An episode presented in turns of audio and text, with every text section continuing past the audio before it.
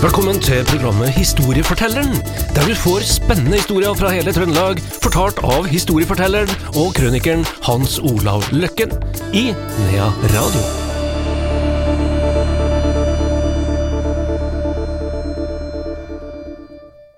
Velkommen til en ny episode med Historiefortelleren. Hans Olav Løkken og Andreas Reitan ønsker dere hjertelig velkommen. I dag, Hans Olav, skal vi til Samsjøen. Samsjøen, vet du. Ganske kjent sjø, da, mellom eh, Det blir vel mellom Gauldalen og, og, og Neadalsfjorden? Ja da. og Reinsfjellrennet. Og Rensfjellrennet. Ja, ja, ja. Og du kan da kjøre opp fra Singsås hvis du vil, eller du kan kjøre opp fra Lundamo. Da, hvis du vil ta deg en tur. En fin rundtur en liten eh, en søndag her. Eh, første gangen jeg kom bort til Samsjøen var i forbindelse med ei flyulykke den, eh, den 4. august i eh, 1950. Da var det en som het Finn Torstensen som uh, drev med lavflyving der oppe, med Spitfire-fly. Ja. Og han fløy seg ned i Samsjøen, og ble borte. Og faktisk talt er det bare noen få år siden de tok den opp. For på den tida der så klarte de ikke, hadde ikke utstyr nok, og de husker på at, at uh, i, i Samsjøen og en del sånne vann så er det så grumsk. Det er, det er enormt mange, jeg vil ikke si meter, da, men det er altså veldig tykt lag. Så, så, flyet og han var antagelig nedi det laget, da, kan du si, og det var håpløst å finne det, og det er nesten ikke sikt, videre og så.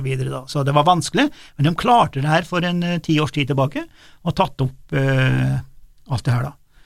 Men det som er interessant med denne her ulykka ved Samsjøen, da, var at da rykka man altså ut fra Værnes, da, såkalt redningspatrulje, men de var jo ikke forberedt.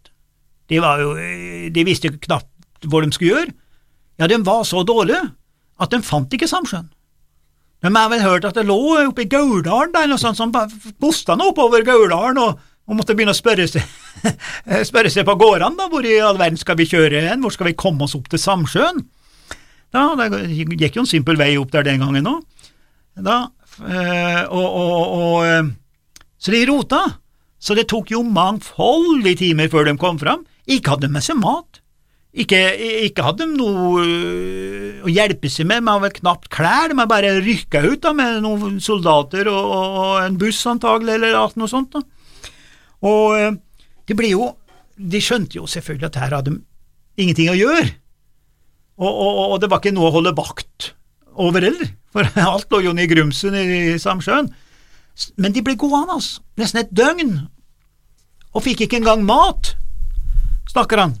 Så de herre budeiene, vet du, inni, inni der, de skulle lage et herremåltid til den gjengen. Det var da selvfølgelig rumgrøt, som vi sier på dialekt, altså rømmegrøt, og så var det stekt ørret. Det er jo gourmetmåltid i dag for oss, men ikke for den gjengen her. De ble visst sjuke alle sammen. De har ikke spist på en stund, og de åt seg vel omtrent i hæl, som det het da. Så det var sånn litt komikk eh, i denne rapporten om at ba, hele redningsmannskapet ble altså liggende der. Men så, her i 2006, for en del år siden da, selvfølgelig, så skulle vi opp til Samsjøen og så holde et uh, foredrag om denne ulykka. Jeg husker var så veldig, jeg kjørte opp fra Lundamoen, og så dårlig vær, så knapt sjøen, og det regna, og så da når jeg sto der da på en stubbe og prata, med det var en del folk, altså, til tross for at det var dårlig vær, så kommer da eh, tanta til Marit Bjørgen bort til meg, som bor ved siden av Marit Bjørgen, da. Her. Jeg visste ikke hvem det var, men jeg ser at hun har med seg en som jeg kjenner godt, da, og det var da ordfører Busklein, som var ordfører i Midtre Gøldal en stund, og som jeg hadde som lektor på gymnaset. Så det var jo en fantastisk eh, ting, da. Og så kom hun der eh, kjerringa til Busklein, da, så tanta til Marit Bjørgen, da, bortåt med, og så ga hun meg en historie. Og det er den vi skal ta nå, for da skal vi tilbake til 1923, til en annen ulykke i forbindelse med Samsjøen, for da drev man og bygde ut det her kraftanlegget.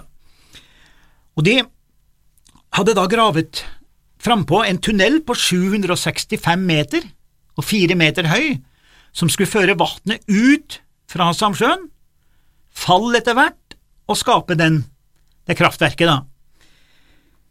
Og de den 1. mars da, i 23 så skulle man også sprenge siste delen, proppen som de kalte det, som holdt vannet igjen, slik at vannet skulle renne ut fra Samsjøen og inn i tunnelen.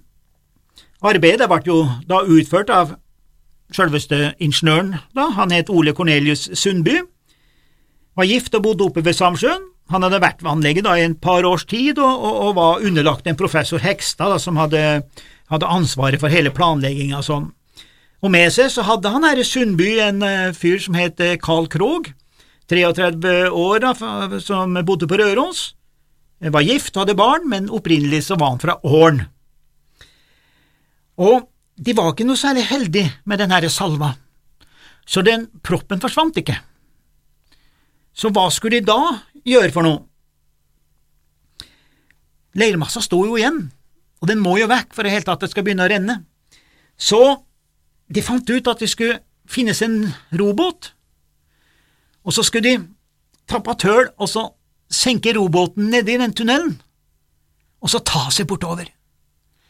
Og de hadde da planlagt at de skulle lage til som en slags mine, ei tønne med eksplosiv, og så fyltes det jo sakte, men sikkert litt vann vet du, her, men det var for djupt til at de kunne gå, så de skulle ta da ei flåte med en båt, og så skulle de pushe den her flåta foran seg gjennom tunnelen, bort til den her proppen. Og så skulle da, etter hvert som vannet fyltes litt, få fylt vann i tunnelen, så ville den her tønna bli løfta opp som ei mine som tok tak i, i toppen av tunnelveggen, nei, taket, pung, eksplodere og åpne. Så de var optimister, og gjorde det der. Det ble jo gitt en del advarsler. Det var jo andre ingeniører som mente at det der, det var på kanten, ja. Det ville ikke kunne gå, det er litt farlig, og hvem som skal, skal skyve den her eh, plattingen foran seg. Men eh, de fleste sa ja, men det er jo eh, selveste Sundby, sjefsingeniøren, så eh, han vet hva han gjør. Han hadde jo respekt for øvrigheta. da, og de, eh, så det her oljefatet og sånn, da, det skulle jo gjøres klar, og man skulle da dra innover, da. Etter en stund så eh, føler man at det er noen stemmer som kommer ut, og, men de skjønte ikke helt hva som foregikk, altså de hører bare stemmer inni den tunnelen av de som var i gåseøyne på land, da, kan vi si. Men de skjønte etter hvert, da var det gått kanskje en halvtime, at det var jo faktisk alt rop om hjelp. Men det var jo ikke noe forventa det, det er derfor de antagelig ikke lytta så godt, da. Men eh, det som da skjer, er at eh, antagelig så har båten kvelva, da. Og eh, den ene av dem kunne visstnok ikke svømme. Så prøver den andre kanskje å hjelpe til, og så drukner den. Så de skjønte da, når det ble stille, at her må det ha skjedd noe. Og, og, det tok for lang tid, og så måtte de få tak i en ny båt da, så det tok enda en halvtime. Og da var jo selvfølgelig alt sammen uh, for sent, da. Så det som skjer da, er jo hvem skal da melde seg frivillig til å dra inn? Vi må huske på at mens alt det her pågår, så er det altså flere tonn, etter som jeg forsto, så var det vel en elleve tonn per kvadratmeter, med trykk som sto på utsida fra Samsjøen, som før eller senere ville kanskje ta knekken på den proppen. Og det kunne jo skje mens det var folk der inne. Ja, ja, ja. Det var derfor sjefen tok ansvar sjøl, og jeg gjør det, og så fikk han med seg han herre Krog. Men nå måtte jo to andre inn, i hvert fall én, for å sjekke, og da må de få tak i noen frivillige, da som melder seg frivillig til å dra inn og se hva som er skjedd der inne. Det ble slutt med samtalen og, og rop om hjelp. Og de fikk tak i en, et par arbeidere, Johan Skille og en Jon Lium, da. De staka seg innover og, og, og, fikk selvfølgelig et overblikk over situasjonen og skjønte jo at de var drukna, men nå var det om å gjøre å komme seg ut av tunnelen, for det kunne skje når som helst da. Så det var en enorm spenningsmoment før de i hele tatt klarte det her, da og det var altså to liv. Som jeg, jeg omkom to stykker på grunn av det her, og det interessante med han Carl Krogh fra Åren, som omkom, var at det var bare to uker siden at han fulgte sin mor til grava. Trist historie fra vakre Samsjøen. Sånn kunne det altså gå. Historiefortelleren, eh, takk eh, til deg, Hans Olav Løkken. Vi eh, høres igjen om ei uke til samme tid.